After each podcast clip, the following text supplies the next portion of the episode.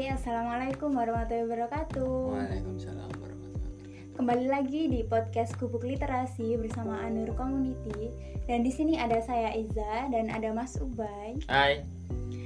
Eh,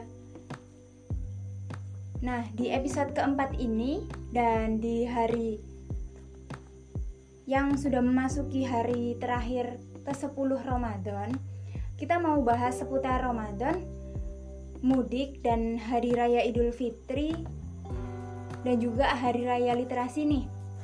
So, stay tune with us.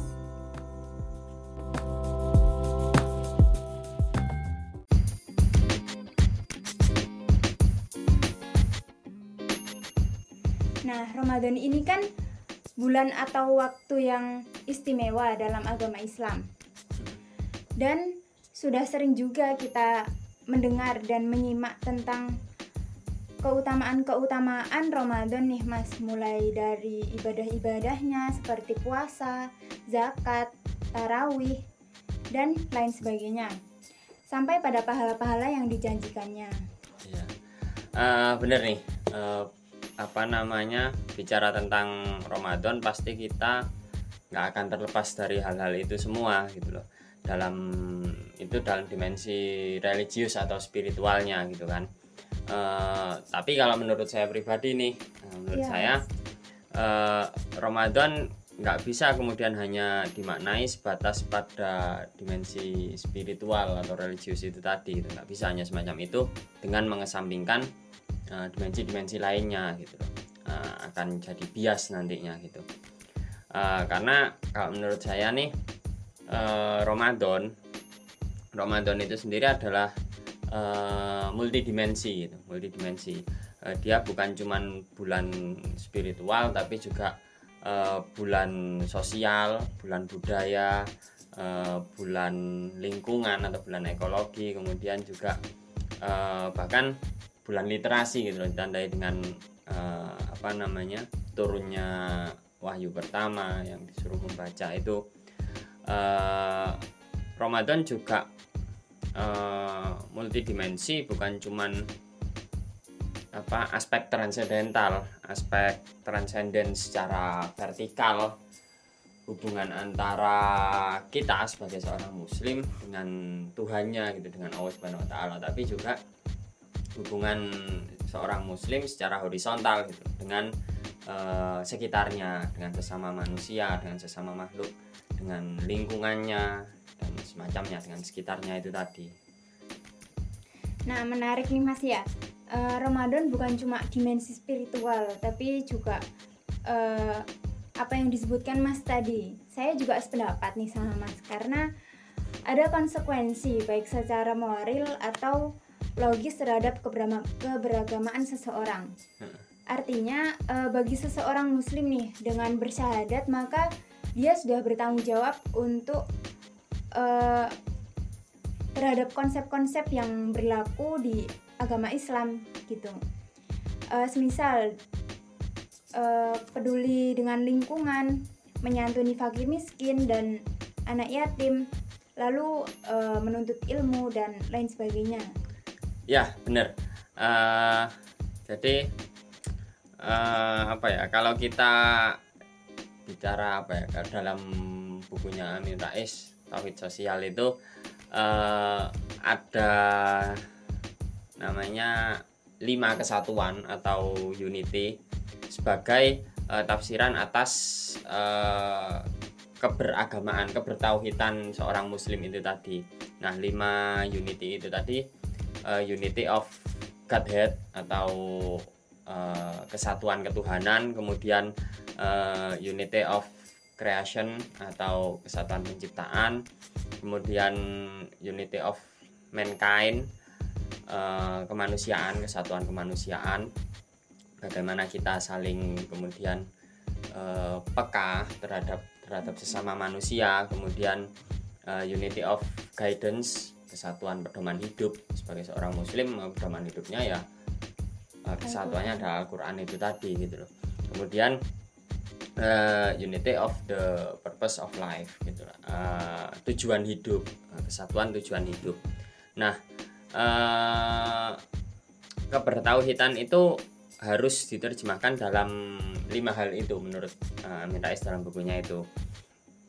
Jadi uh, ada konsekuensi secara logis maupun konsekuensi uh, secara moral gitu bagi seorang muslim uh, yang mengakui bahwa dia adalah seorang muslim beriman kepada Allah dan kepada Rasulnya itu dalam dalam konteks kebertauhidan dia nggak bisa hanya kemudian sholat lima waktu pagi siang sore malam gitu.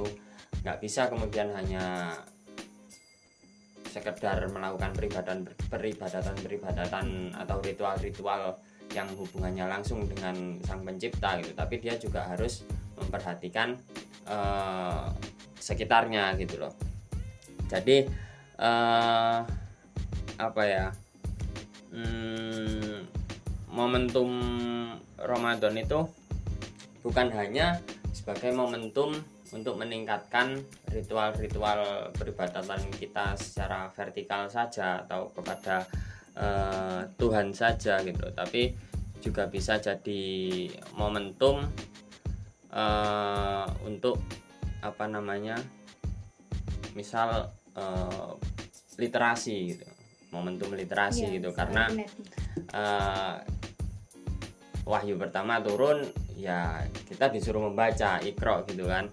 Uh, maka kemudian kalau dalam konteks hari ini uh, itu bisa harusnya bisa jadi semacam apa ya momentum untuk kebangkitan dunia literasi gitu gerakan-gerakan literasi.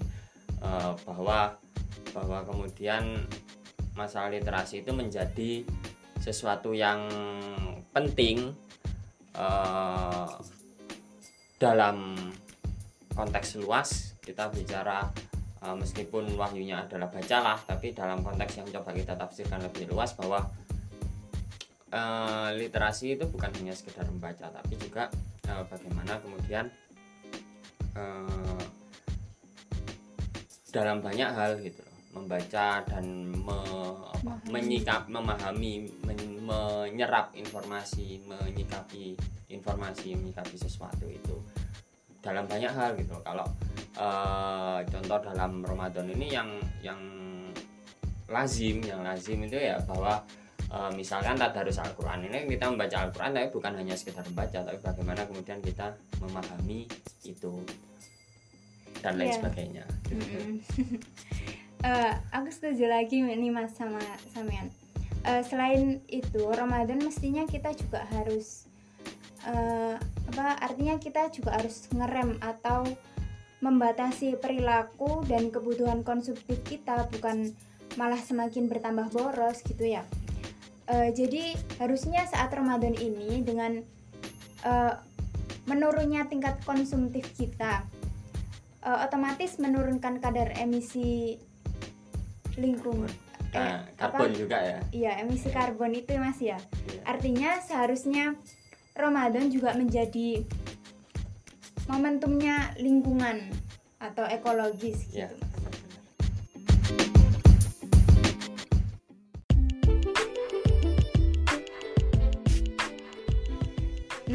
Kemudian ini karena sudah semakin mendekati hari raya Idul Fitri, uh, biasanya kalau dalam situasi normal di Indonesia nih Mas ya ada tradisi yang namanya mudik. Nah ini cukup menarik karena uh, mudik itu menjadi semacam kekhasan masyarakat Indonesia dalam momentum Ramadan dan Idul Fitri ini Mas. Hmm, jadi kalau bicara mudik nih ya eh, mudik ini kan sebenarnya budaya kan ya.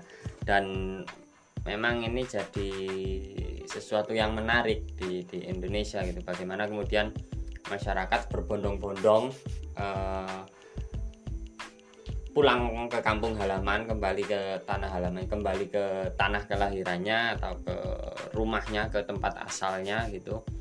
Uh, sesuatu yang menurut saya sangat positif uh, dari tradisi mudik ini adalah uh, ada rasa kekeluargaan, rasa persaudaraan itu. Atau uh, ya kalau kita istilahkan dalam dalam istilah Islam mungkin ya uhwah itu.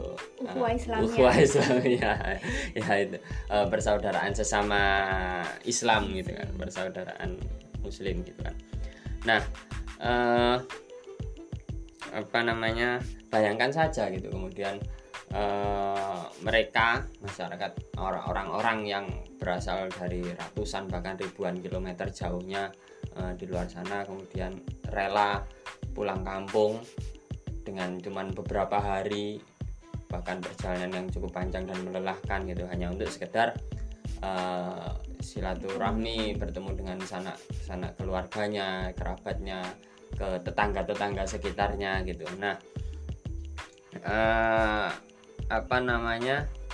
Bayangkan saja kemudian betapa solidnya gitu persatuan dan kesatuan eh, di negara ini di Indonesia gitu. Eh, kalau kita coba mengilustrasikan dan membayangkan eh, ya itu fenomena mudik itu tuh loh. Mm-mm. orang yang dari jauhnya itu kan artinya ada ikatan yang benar-benar kuat gitu. Nah, bayangkan saja betapa solidnya uh, persatuan dan kesatuan Indonesia gitu dalam fenomena ini gitu. Nah, eh apa namanya? Hanya saja kemudian eh, saat ini saat ini eh, kita masih berada dalam situasi yang serba kurang menentu ya akibat eh, pandemi. Ya COVID-19 itu ya.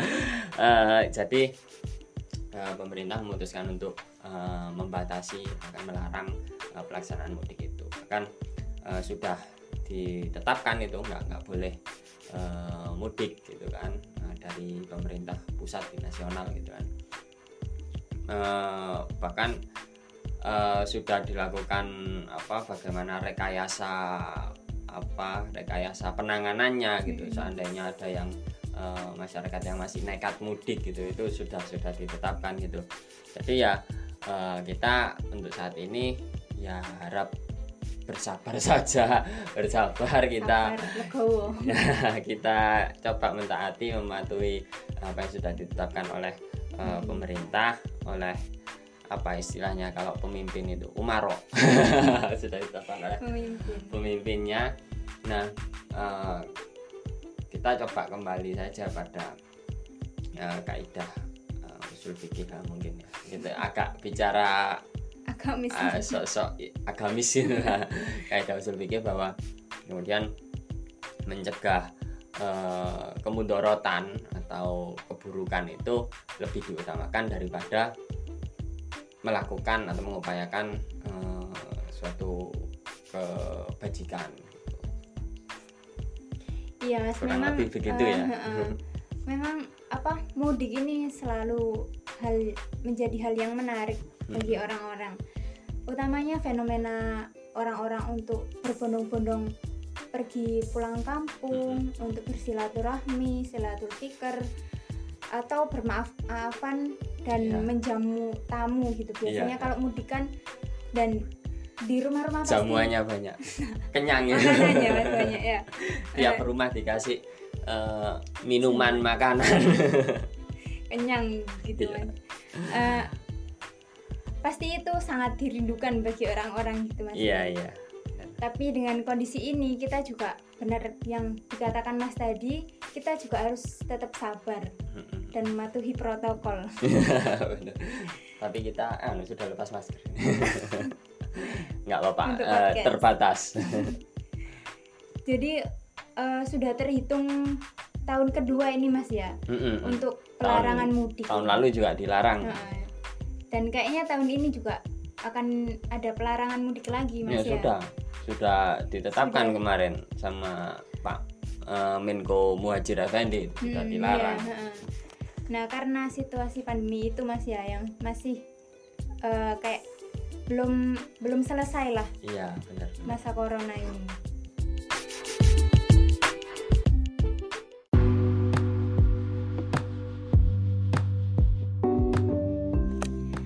Nah, memang eh, selalu menarik kalau kita bicara seputar Ramadan dan Hari Raya Idul Fitri karena eh, serba-serbinya ini, Mas. Eh, Iya. Nah, teman-teman, ini hal yang cukup menarik juga adalah bahwa Rasul bahwa Ramadan dan Idul Fitri ini sebenarnya juga bisa kita tarik sebagai semacam hari raya literasi Ah. gitu. Gimana nih Mas menurut Mas Iya. Ubay tentang Ah. hari raya literasi? Iya, menarik. Eh, jadi tadi juga sempat saya singgung sedikit ya Mm, bahwa iya. eh, apa namanya Ramadan dan Syawal atau Idul Fitri ini sebagai hari raya literasi gitu. At least eh, saya atau kita sebagai se- eh, seorang Muslim lah ya, kita kan meyakini bahwa eh, wahyu pertama yang turun yang diterima oleh Rasulullah Muhammad itu kan eh, Surat Al-Alaq. Ya surat Al-Alaq ayat pertama itu yang bunyinya ikro gitu, di- diperintahkan untuk membaca gitu. Artinya eh, bisa kita bayangkan bagaimana kemudian betapa apa ya fundamentalnya gitu, betapa fundamentalnya eh, perkara membaca. Perkara, kalau kemudian kita artikan bahwa secara harfiah literasi sebagai membaca, artinya betapa fundamentalnya perkara literasi itu. Nah, eh apa ya maka kemudian kalau kita coba tarik konteks hari ini gitu kon- konteks konteks yang lebih luas gitu terkait masalah literasi eh, membaca itu juga bukan hanya eh, literasi itu bukan bukan hanya sekedar membaca teks membaca eh, sesuatu yang sifatnya itu tekstual gitu. Tapi hmm, apa namanya menjadi eh, semacam apa ya membaca sekitar kita membaca apa bagaimana kemudian kita Peka terhadap lingkungan. ah, peka gitu, terhadap ya. lingkungan kemudian eh, menyerap informasi itu kemampuan kita untuk menyerap informasi keterampilan kita kemudian bagaimana kita menyikapi eh, informasi-informasi yang beredar itu seperti apa Nah, itu itu juga masuk dalam konteks eh, literasi yang lebih luas hari ini gitu. Disambung kemudian dengan eh, momentum Idul Fitri di satu Syawal. Nah eh, momentum Idul Fitri kemudian kalau kemudian kita coba tarik di Indonesia dengan adanya tradisi mudik tradisi mudik itu di mana orang banyak berkumpul gitu maka kemudian harusnya itu bisa jadi satu eh, momentum momentum untuk ya antar personal kita saling berdiskusi bertukar wawasan bertukar pikiran bertukar gagasan eh, saling memberikan informasi bertukar informasi gitu. Eh, sehingga eh, ada apa ada informasi dan wawasan lain yang yang kita dapatkan dari eh, persinggungan kita dengan eh, orang-orang saat eh, momentum mudik itu tadi. Hmm. Nah ini ini jadi menarik gitu loh. Nah maka kemudian eh, apa namanya menurut saya juga ini jadi korelasi yang sangat menarik dan eh, mungkin perlu untuk ditinjau lebih jauh lagi lebih dalam lagi terkait eh, Ramadan dan Idul Fitri. Idul Fitri atau Syawal ini eh, dalam kaitannya dengan eh, momentum literasi gitu. Ya, memang sangat menarik nih Mas ya. Eh, sebenarnya kaitannya antara semua aspek itu tadi dengan Ramadan dan hari raya sebagai eh, momentum yang pas dan benar-benar semakin produktif kita dalam itu tadi ya literasi sektor lintas eh, literasi itu tadi dan lintas dimensi itu tadi bukan cuma eh, spiritual Iya, jadi kita juga spiritual. bisa ke sosial budaya pendidikan dan ekologi Nah. bahkan ke Politik. hukum ya politik itu tadi mas Eh, terkait politik mas ya Iya. dulu pada zaman Rasulullah itu kan ada perang Badar nah Nah, iya. perang Badar ini ada kaitannya dengan politik gitu mas Heeh, benar. Kalau yang kalau- terjadi di apa abad ke-17 kalau nggak salah ya eh, Eh, 17 Ramadan. Iya 17 Ramadan ya eh, ya kalau ada kan ada istilah juga itu bahwa eh, perang adalah eh, berpolitik dengan menumpahkan darah sementara Mm-mm. politik adalah eh, perang tanpa pertumpahan darah gitu Iya bener banget nih mas. Udah panjang ini mas ya pembahasannya. iya nggak kerasa Mm-mm. Tapi mungkin sampai di sini dulu pembahasan kali ini, obrolan kita kali ini di podcast Gubuk Literasi bersama saya dan Mas Ubay. Semoga kita bertemu lagi, kita sambung lagi di episode berikutnya. Sampai jumpa lagi. Uh, Billahi fisabil haq fastabikul khairat wassalamualaikum warahmatullahi wabarakatuh. Waalaikumsalam Stay tune di Gubuk Literasi bersama Anur Community Bangkalan.